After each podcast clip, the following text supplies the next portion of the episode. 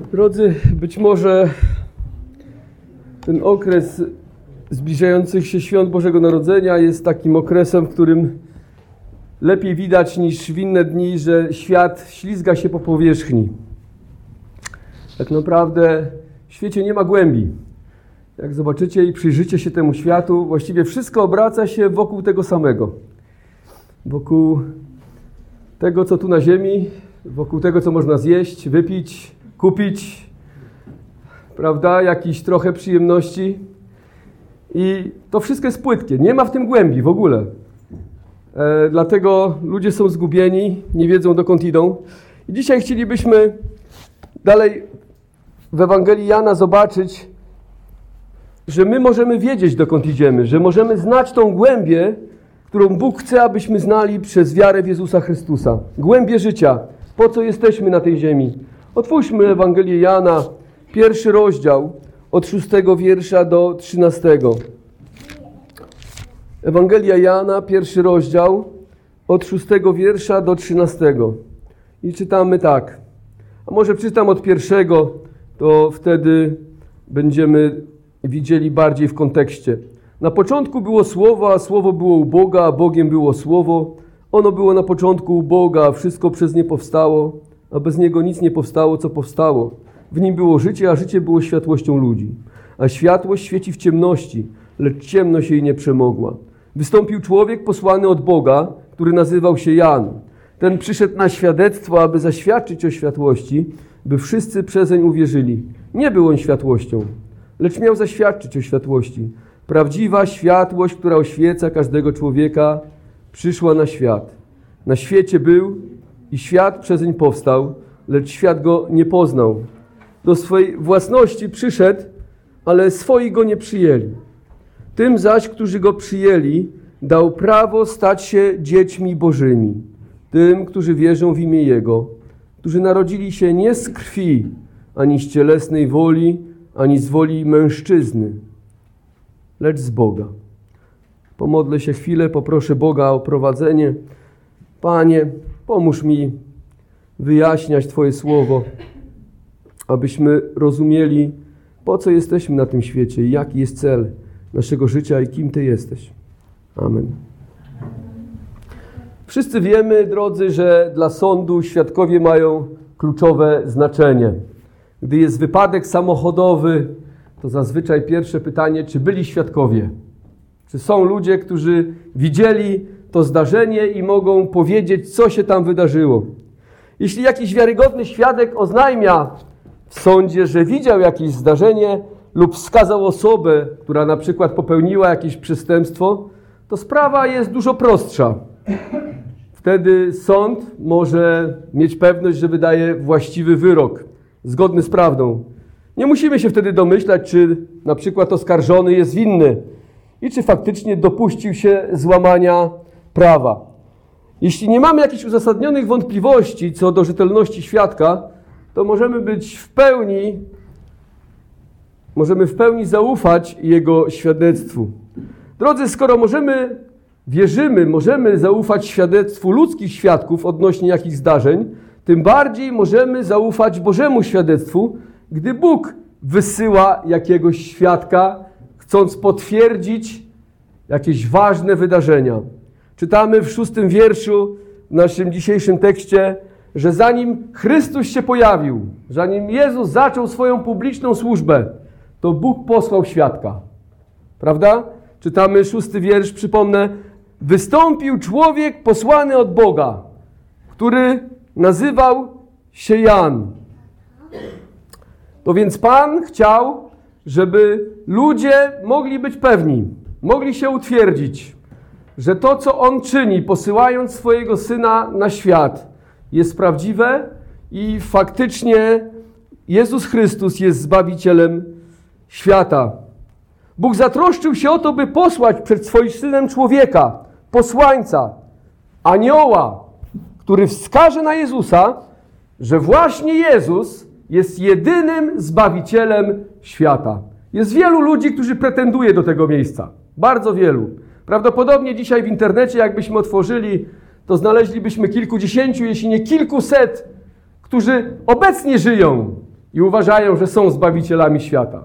A w historii ludzkości znaleźlibyśmy tysiące ludzi, którzy pojawili się i uważali, że są w stanie przynieść światu zbawienie. Ale Biblia mówi, że jedynie Chrystus, Jezus Chrystus jest Zbawicielem świata. Wystąpił człowiek posłany od Boga, który nazywał się Jan, ten przyszedł na świadectwo, aby zaświadczyć o światłości, siódmy wers, wiersz, by wszyscy przezeń uwierzyli. Mowa tutaj oczywiście o Janie Chrzcicielu. Pamiętamy takiego człowieka, Jan Chrzciciel? Być może czytamy Ewangelię, prawdopodobnie to wiemy o kim mowa, ale prawdopodobnie jak myślimy sobie o Janie Chrzcicielu, to przychodzi nam na myśl trochę taki obraz z filmów. Gdzieś tam na pustyni, prawda, człowiek ubrany w skóry, wydaje się, że jakiś dzikus. Ale Biblia mówi, że to był człowiek posłany od Boga. Wyjątkowy człowiek posłany od Boga. Gdy czytamy Ewangelię, to Biblia mówi o jego cudownych narodzinach. Był synem Zachariasza i Elżbiety. Urodził im się w późnym wieku. Właściwie po ludzku nie mogli mieć dzieci. Ale Bóg specjalnie czekał, żeby dać im syna, żeby to było na świadectwo, że Jan właśnie jest tym posłańcem przed Jezusem Chrystusem. Możemy o tym przeczytać w drugim rozdziale Ewangelii Łukasza. Jak czytamy, Jan był człowiekiem, posłańcem od Boga, człowiekiem, któremu Bóg włożył w serce, by wskazywał na Jezusa i świadczył, że On jest Zbawicielem świata. Nie wiem, czy wiecie, ale Jan jest jedynym człowiekiem w Biblii, który był napełniony Duchem Świętym już w łonie swojej matki. Jedyny człowiek w całym Piśmie Świętym, który miał Ducha Świętego, już będąc niemowlęciem, prawda, w łonie swojej matki. Takiego niezwykłego posłańca Bóg przygotował dla swojego syna. Jan był pod wpływem Ducha Świętego od samego poczęcia, by realizować Bożą wolę. Narodzenie Jana i jego służbę zapowiadał Stary Testament przez proroka Malachiasza, trzeci rozdział, w pierwszy wiersz, zaraz przeczytamy ten wiersz i wiemy, że prorok Malachiasz prorokował 400 lat przed pojawieniem się Jezusa Chrystusa. I już prorok mówił, że zanim przyjdzie Pan, to Bóg pośle wyjątkowego człowieka na świadectwo o tym, że Jezus jest Zbawicielem świata. Malachiasza 3.1, zwróćmy uwagę, to jest ostatnia księga Starego Testamentu przed Ewangelią Mateusza i czytamy tak. Oto ja posyłam mojego anioła, aby mi przygotował drogę przede mną. Wiemy, że Jan w tym dosłownym sensie nie był aniołem. Nie, nie znaczy to, że Jan był aniołem w takim sensie jak aniołowie w niebie, tylko to słowo anioł, angelos, to znaczy posłaniec. To więc w takim sensie Jan był aniołem, był posłańcem Boga. Bóg posłał go na ziemię, by świadczył o Jezusie Chrystusie. Wzbudził sobie takiego proroka, takiego człowieka, który pójdzie przed nim, żeby przygotować ludzi na zbawienie, które ma za chwilę przyjść, gdy Jezus się pojawi. Czy Bóg potrzebował świadectwa od człowieka?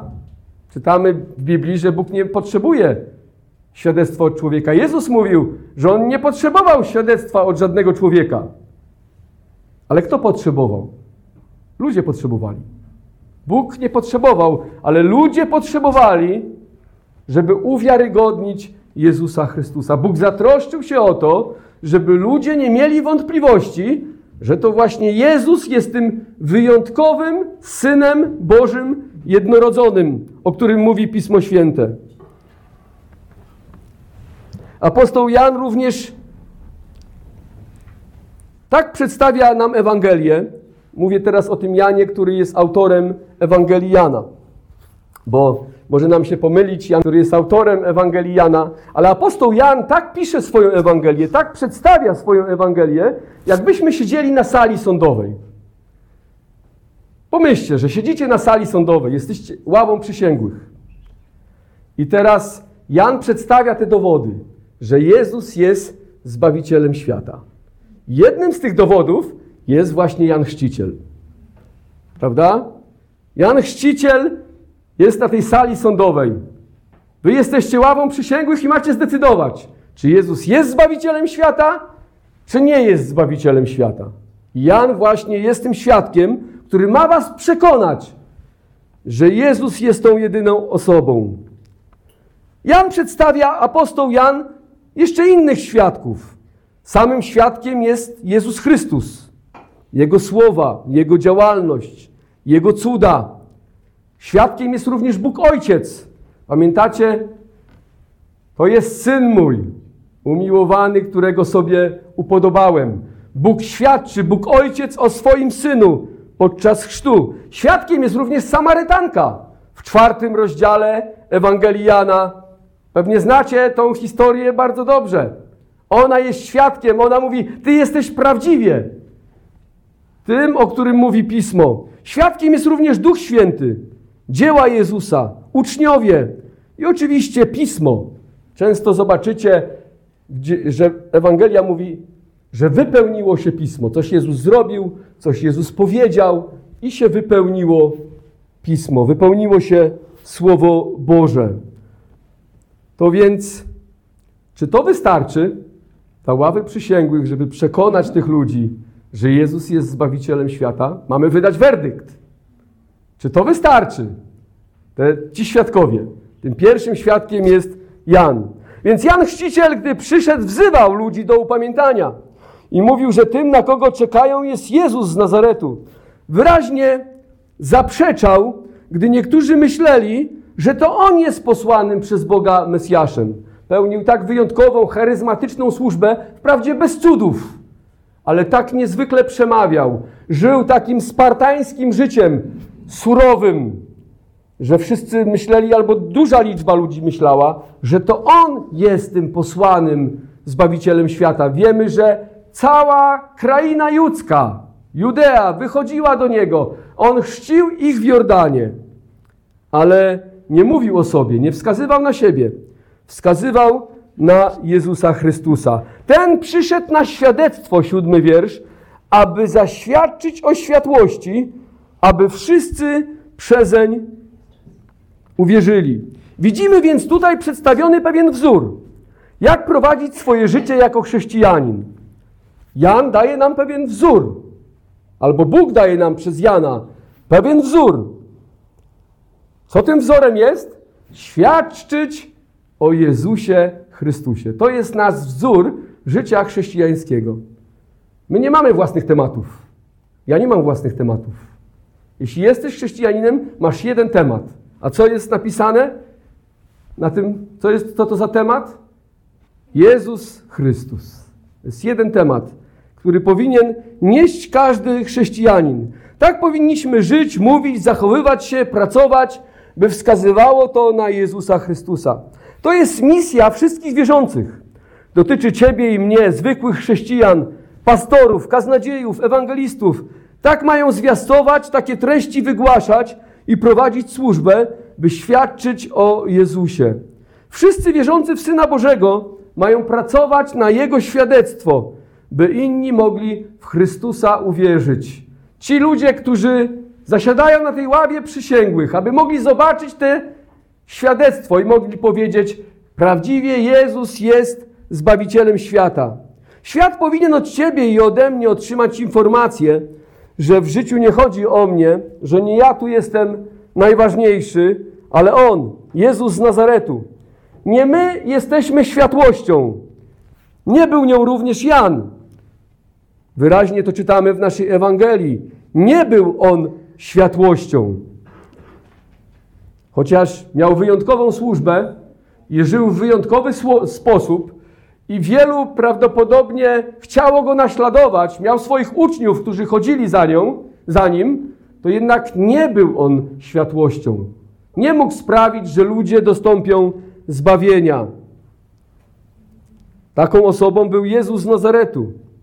To więc nie ja jestem światłością, nie Jan, ale Syn Człowieczy, do którego każdy powinien lgnąć, by ocalić swoje życie. Drodzy, my nie mamy własnego poselstwa.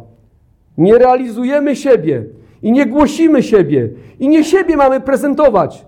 Tu nie chodzi o mnie, czy moje lub Twoje interesy, ale poselstwo dobrej nowiny, które stało się możliwe przez śmierć i zmartwychwstanie Syna Bożego.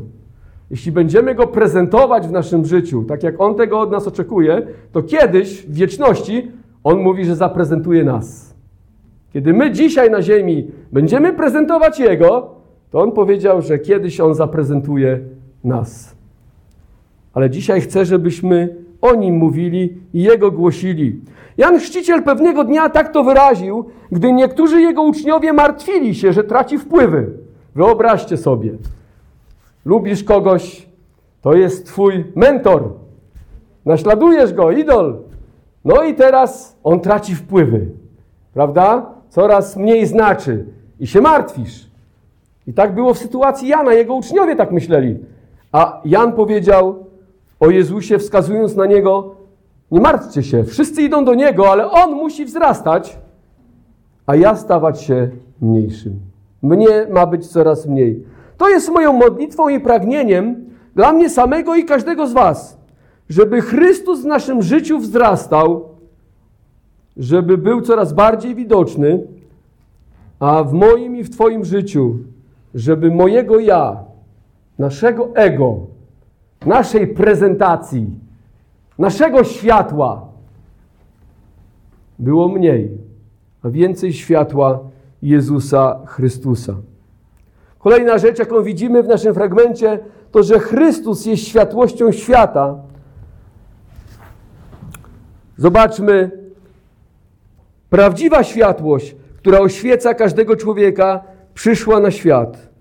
Prawdziwa światłość, która oświeca każdego człowieka, przyszła na świat. To więc Jan, to więc Jan apostoł mówi dalej, dlaczego nie chodzi tutaj o Jana ani żadnego innego człowieka?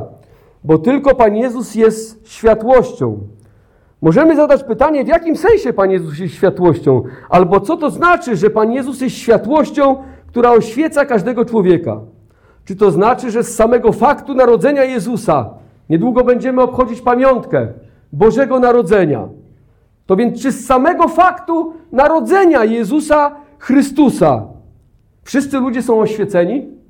Jezus przyszedł na świat. Biblia mówi, no oświeca każdego człowieka. To więc z samego faktu, że On się narodził, już wszyscy mają zbawienie, wszyscy są oświeceni, wszyscy mają światło, wszyscy mogą wejść do Królestwa Bożego.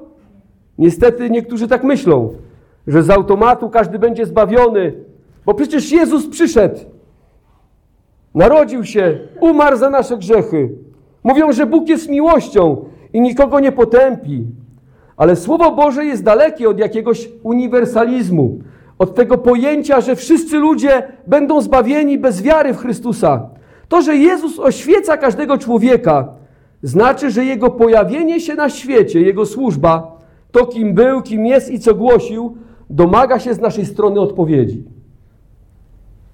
Czyli kiedy jesteś skonfrontowany z Jezusem Chrystusem, z Jego Słowem, z tego, kim On jest, domaga się to od Ciebie odpowiedzi. Co zrobisz z Chrystusem? Co zrobisz? Wprawdzie ludzie uciekają od tego pytania, albo nie chcą go sobie zadać, ale to nie zmienia faktu, że muszą wobec Jezusa jakąś postawę zająć. Albo staną się Jego uczniami, albo będą Jego wrogami. Nie ma czegoś pośrodku.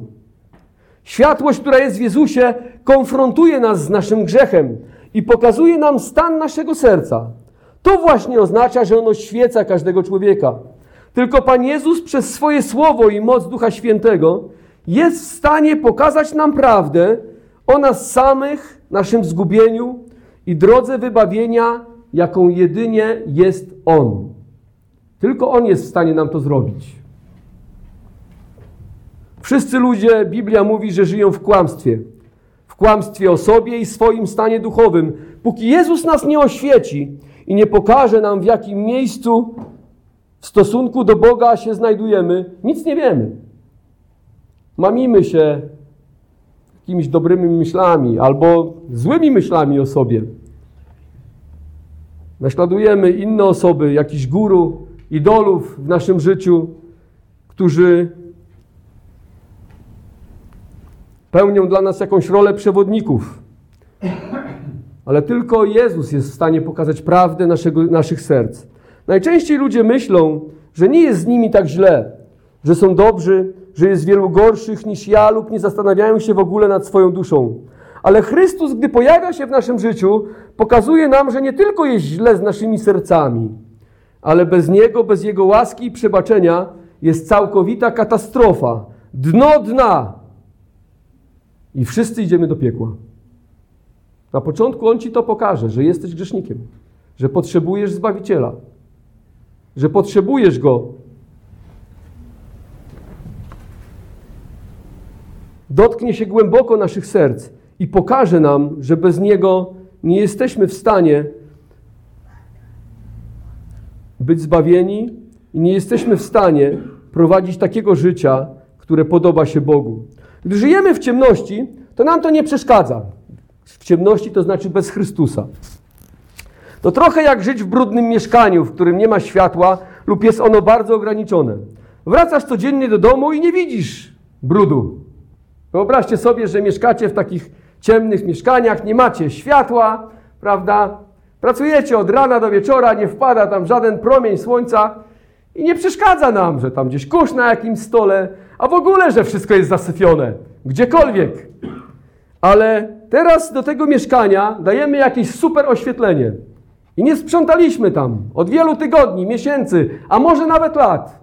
I zapalamy to jasne światło w tym mieszkaniu. Co widzimy? Ale syf. Jak ja tu mogłem mieszkać? Ale zobaczcie, gdy Jezus przychodzi, to On pokazuje, gdy oświeca nas, właśnie stan naszego serca. I myślimy sobie, jak ja mogłem żyć? Nie wiedząc, jaki jest mój prawdziwy stan duchowy. Jak ja mogłem tego nie widzieć? Tych wszystkich grzechów, w których żyłem. Pychy, egoizmu, złości, gniewu. Z pewnością w pierwszej chwili, gdy ujrzymy cały brud swego serca, gdy Jezus nas oświeca, jest szok, płacz, smutek, zdziwienie. Jak mogłem żyć, nie znając Zbawiciela? Ale gdy staniesz się Jego uczniem i zostaniesz przez Niego oczyszczony, jest radość i pokój, która zaczyna wypełniać nasze życie. Twoje życie, moje życie, światłość Chrystusa nie tylko pokazuje nam nasz duchowy stan, ale uświadamia nas, kim w ogóle Jezus jest. Bo najczęściej Jezus jest kojarzony przez ludzi tego świata jednym z wielu. Jest wprawdzie wyjątkowy, tak, ale jeden z wyjątkowych filozofów, jeden z wyjątkowych przedstawicieli religii, ale Biblia mówi, że Jezus jest jedyny. Jedyny. On jest światłością świata. On jest drogą, prawdą i życiem. Czytamy w Ewangelii Jana 14:6. Nadzieją dla wszystkich, odwiecznym Bogiem i Zbawicielem. Pytanie, jak reagujemy na światłość, jaką, jaką jest Chrystus?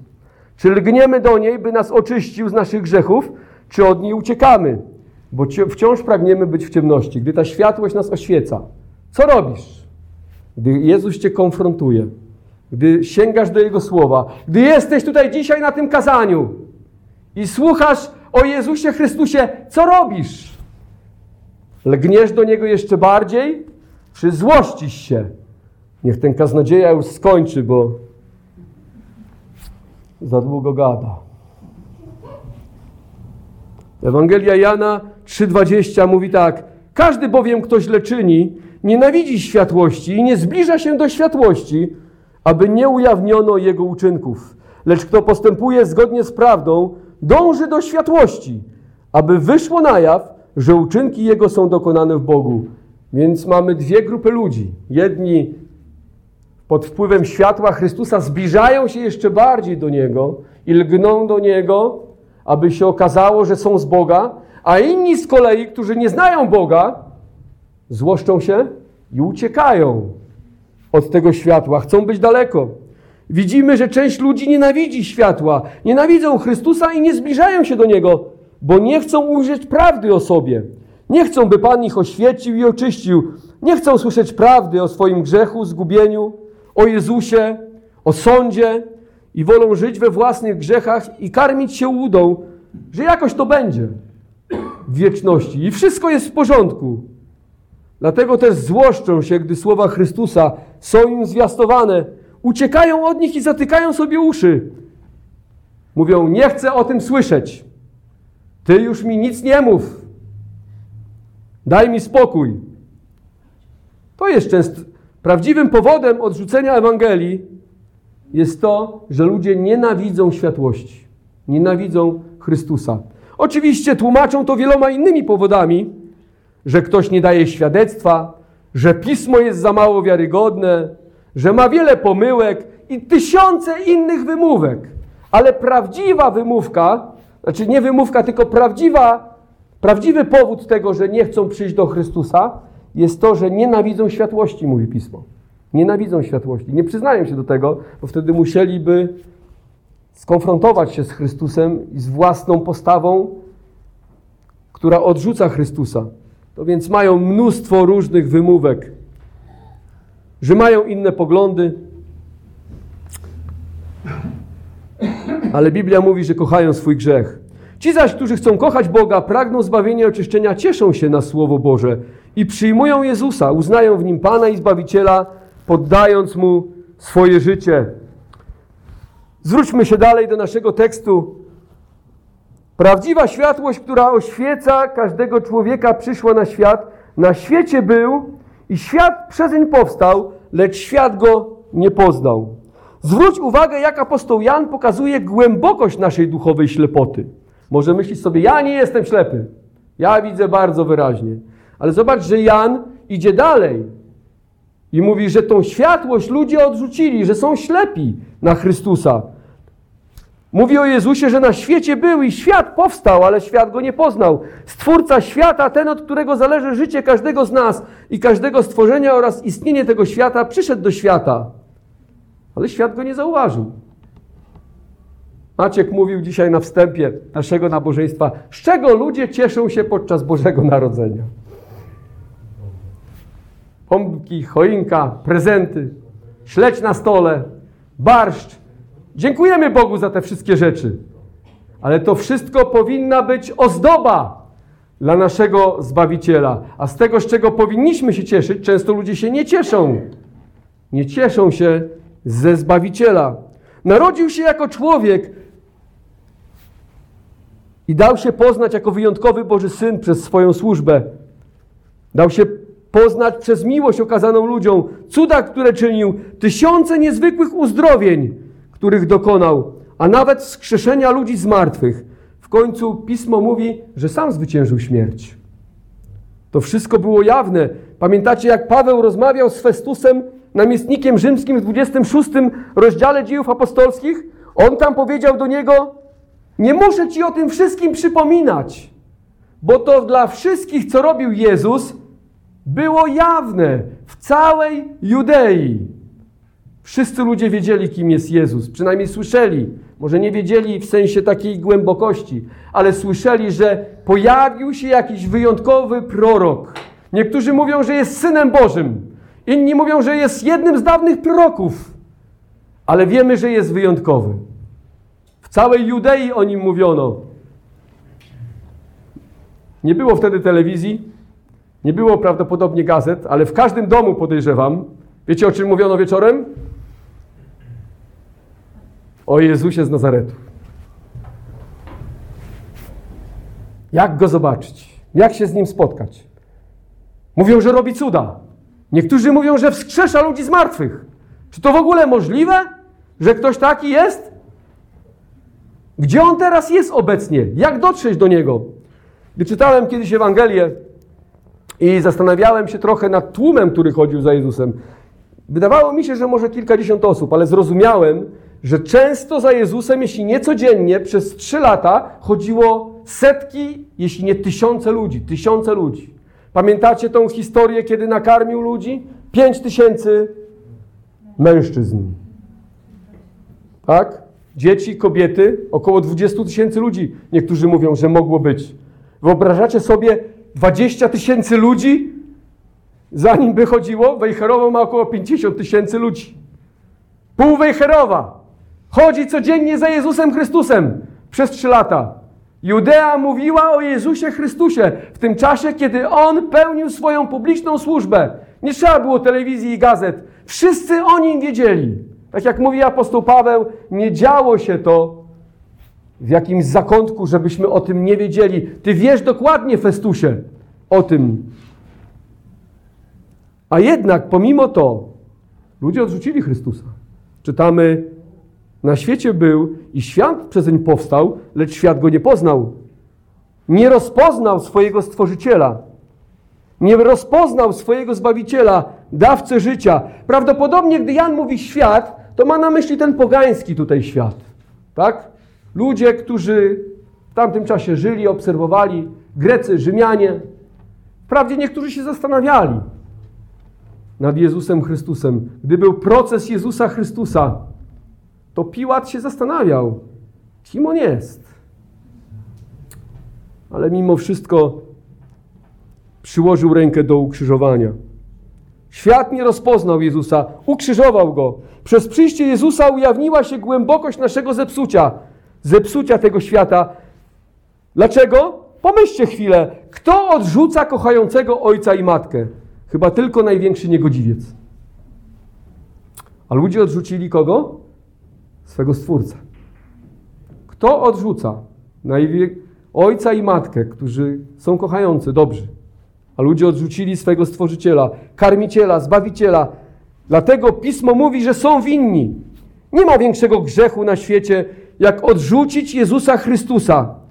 I wciąż go odrzucają. Kiedyś znany kaznodzieja Martin Lloyd Jones w jednym ze swoich kazań powiedział: Co takiego zrobił ci Jezus, że nie chcesz go przyjąć, że go nienawidzisz? Co takiego ci zrobił?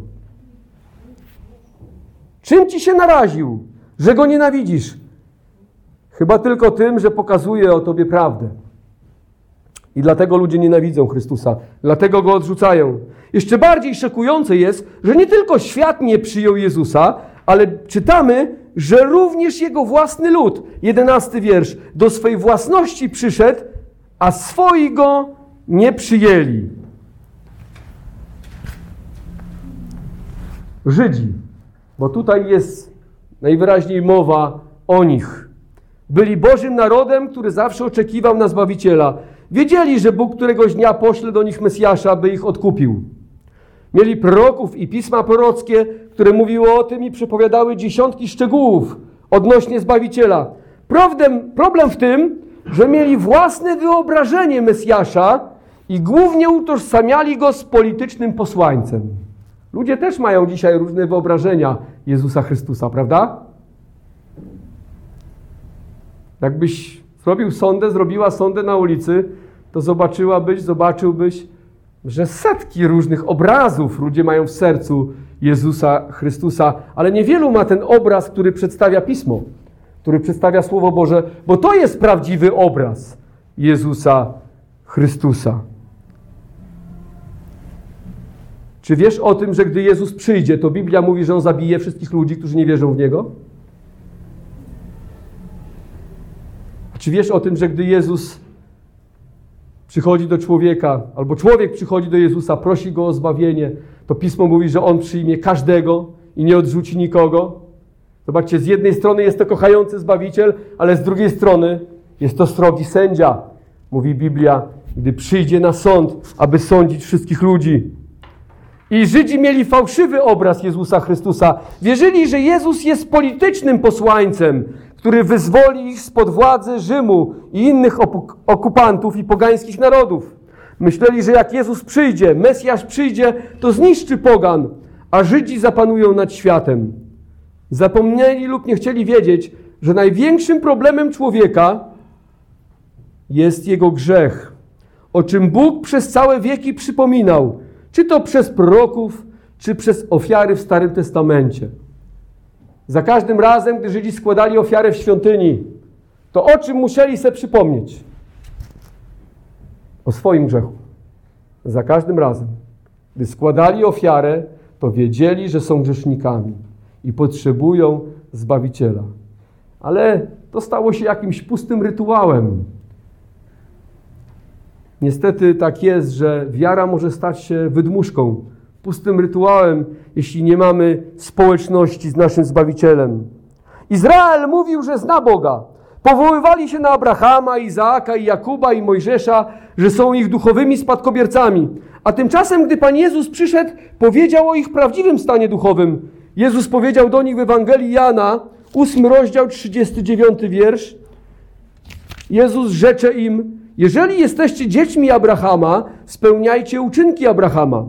A w Jana 8,44 mówi tak, Ojcem waszym jest diabeł i chcecie postępować według porządliwości Ojca waszego. Zobaczcie, jaka głęboka ciemnota, duchowa ciemnota. Nie chodzi mi o to, że byli głupi. Nie, nie pomylcie tutaj, bo intelektualnie oni byli e, na wysokim poziomie. Tylko chodzi, że duchowo byli w ciemności.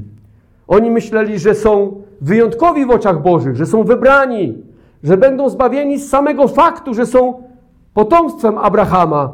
A Jezus mówi: Ojcem waszym jest diabeł i chcecie postępować według porządliwości Ojca waszego. Ich odrzucenie Jezusa uświadamia nam, jak mocno możemy być pogrążeni w ciemności i nawet o tym nie wiedzieć, nawet utrzymywać, że jesteśmy w światłości. Dlatego tak ważne słowa z tego Psalmu 139, które Maciek dzisiaj przeczytał. Badaj mnie, Boże. Pokaż mi, w jakim ja miejscu duchowym jestem. Jest to pewne ostrzeżenie dla nas wierzących, którzy twierdzimy, że znamy Boga. Powinniśmy badać swoje serca, czy trwamy w wierze, czy narodziliśmy się na nowo i mamy żywą społeczność z Chrystusem, a nie jedynie pustą religię. Również należy zastanawiać się, czego od Jezusa oczekujemy. Czy to, czego od Niego chcemy, jest zgodne z Jego słowem? Byśmy się na nim nie zawiedli, jak zawiedli się Żydzi. Kiedy uznali, że On nie jest Zbawicielem świata i że On jest oszustem, to co zrobili? Ukrzyżowali Go. Z pewnością, pomyśl o tym chwilę, z pewnością Bóg wypełni wszystkie swoje obietnice, ale tylko te, które faktycznie złożył. Nie te, które myślimy, że złożył, ale te, które nam dał. A co nam dał?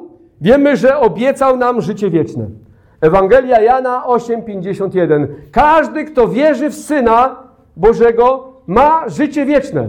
Jeśli uwierzysz w Syna Bożego, jeśli jeszcze tego nie zrobiłeś, nie zrobiłaś, to otrzymasz życie wieczne.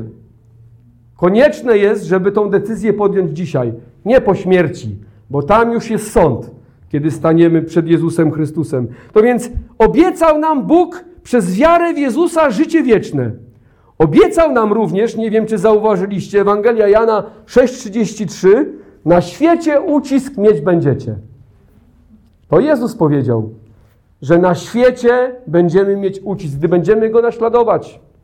Ludzie nas odrzucą, świat nas odrzuci, ale kto nas przyjmie? Bóg nas przyjmie. Bóg nas przyjmie.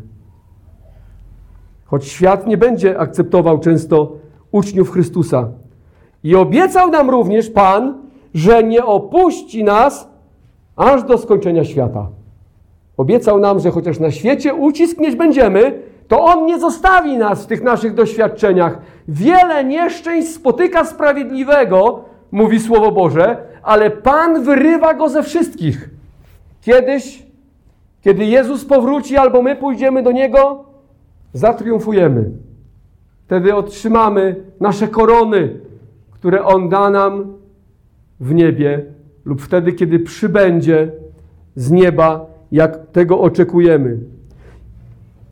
I ostatnia rzecz z naszego fragmentu jest taka, że przyjmujący Jezusa stają się Bożymi dziećmi. Zobaczmy na nasz fragment dalej. Tym zaś, którzy go przyjęli, dał prawo stać się dziećmi Bożymi, dwunasty wiersz. Tym, którzy wierzą w imię Jego, którzy narodzili się nie z krwi, ani z cielesnej woli, ani z woli mężczyzny, lecz z Boga.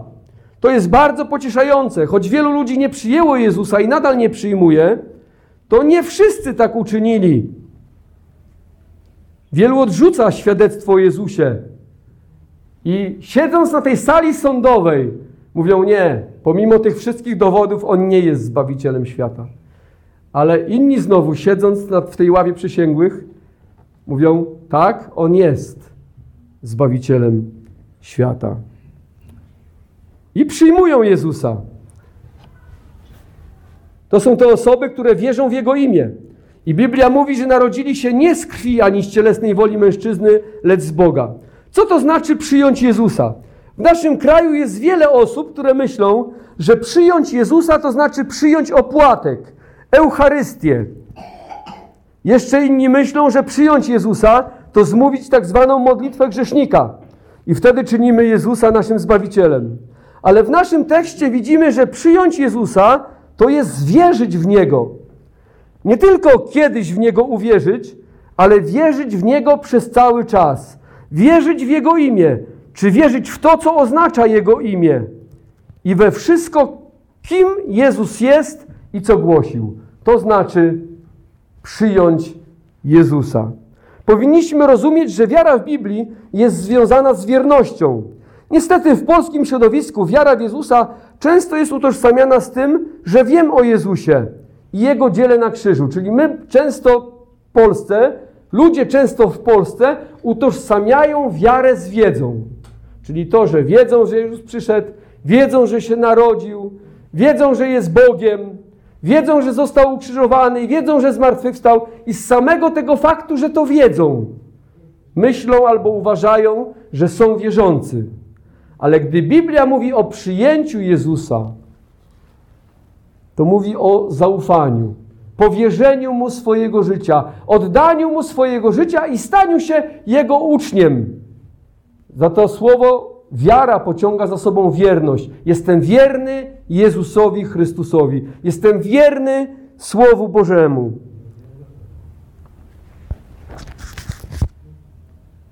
To więc Kim jest Jezus? I co On czynił na krzyżu? Czy wierzysz w to wszystko, co mówi o Nim Biblia? Że umarł w nasze miejsce, przybijając, umarł w nasze miejsce na drzewie, na drzewie krzyża. Że urodził się z dziewicy. Mamy teraz Boże Narodzenie. I czasami widzę tam w komentarzu gdzieś tam na Facebooku, w internecie, ha, ha, ha, urodził się z dziewicy. Czy wierzysz, że Jezus urodził się z dziewicy? Prawda? Biblia o tym mówi bardzo wyraźnie. Bez udziału mężczyzny, w cudowny sposób. Czy wierzysz, że jego przyjście zapowiadał Bóg przez proroków kilkaset lat przed tym, zanim on się urodził? Czy wierzysz, że jego przyjście zwiastowała gwiazda betlejemska? Pismo o tym mówi, że zanim się urodził, albo w trakcie, gdy się urodził, pojawiła się jakaś cudowna, wspaniała kometa, która mówiła o tym, że Bóg posyła na ziemię swojego Syna. Czy wierzysz, że Jezus zmarł na krzyżu za Twoje winy i zmartwychwstał dla Twojego zbawienia? Czy wierzysz w to? W Polsce obecnie chyba 80% z tego, co około 80% ludzi uważa się za wierzących. A wiecie, że tylko 20 parę procent wierzy w zmartwychwstanie? A to tylko ci, którzy wierzą, czyli wierzą, że się wydarzyło. Prawda? Nie wierzą w sensie, że zaufali Chrystusowi, tylko wierzą, że się wydarzyło. Prawdopodobnie, gdybyśmy zadali pytanie, czy wierzysz, że urodził się z dziewicy, to jeszcze mniejsza grupa osób by uważała, że tak rzeczywiście to miało miejsce. Biblia mówi, że tak jak uwierzyliśmy w Niego na początku naszej drogi z Bogiem, tak mamy wierzyć w trakcie, naszego życia i przy końcu, gdy przyjdzie nam odejść do wieczności. Mamy wierzyć cały czas. Wtedy narodziliśmy się na nowo. W chwili, gdy w Chrystusa uwierzymy, wchodzimy do rodziny Bożej. Pismo mówi, że stajemy się Bożymi dziećmi. Większość ludzi uważa, że każdy jest dzieckiem Bożym, ale Pismo mówi, że tylko ci, którzy przyjęli Chrystusa, stali się Bożymi dziećmi. Przeczytajmy ten tekst tym zaś, którzy go przyjęli, dał prawo stać się dziećmi Bożymi. Prawdą jest, że wszyscy ludzie są Bożymi stworzeniami. To jest prawda. Ale nie wszyscy ludzie są Bożymi dziećmi. Tylko ci, którzy przyjęli przez wiarę Jezusa Chrystusa. Oni zostali włączeni do Bożej rodziny i są wyjątkowym obiektem Bożej troski. I ci ludzie, pismo mówi, narodzili się na nowo i mają życie wieczne. Zobaczmy, że apostoł Jan mówi że Jezus dał prawo tym, którzy przyjęli Go, stać się dziećmi Boga. Inaczej mówiąc, dał im uzasadnione roszczenia przez wiarę w Jezusa, by Bóg uznał Cię za swoje dziecko. Jest to podobne do aktu urodzenia, który otrzymujemy przy narodzinach. Tam wpisany jest nasz biologiczny ojciec i mamy prawo uważać się za jego dzieci, bo pochodzimy od niego. Można powiedzieć, że Bóg wypisał takie duchowe DNA w każdym swoim dziecku. I teraz masz ten akt urodzenia. Dorosłeś i nie znasz swojego ojca, ale tam jest imię i nazwisko. I idziesz do niego i mówisz: Jesteś moim ojcem. Ale on mówi: Nie jestem. Jesteś, bo mam tu dowód, że jesteś. Oczywiście Bóg przyznaje się do nas od początku. Ale mamy ten akt urodzenia, mamy to duchowe DNA wpisane w nasze serca w momencie, kiedy uwierzyliśmy w Jezusa Chrystusa. I staliśmy się w ten sposób Bożymi dziećmi. I mamy prawo uważać się za dzieci Boga. Nie z powodu naturalnego zrodzenia, mówi Jan, ale z powodu duchowych narodzin. W pierwszym liście Jana czytamy o tym fakcie. Pierwszy list Jana 3:1. Patrzcie, jaką miłość okazał nam Ojciec, że zostaliśmy nazwani dziećmi Bożymi i nimi jesteśmy. I teraz, gdy jesteś dzieckiem Bożym, wczoraj w domu mieliśmy modlitwę i modliliśmy się modlitwą Ojcze Nasz. Ale dla dziecka Bożego zupełnie inaczej brzmi ta modlitwa, niż dla kogoś, kto nie jest dzieckiem Bożym. Kiedy modlisz się jako dziecko Boże, Ojcze Nasz, który jesteś w niebie, to faktycznie zwracasz się do swojego Ojca prawda? Rozmawiasz ze swoim ojcem. Ale jak nie znasz Boga, to ta modlitwa będzie dla ciebie czym? Jedynie jakąś pustą formą odmawiania słów albo częścią jakiejś liturgii.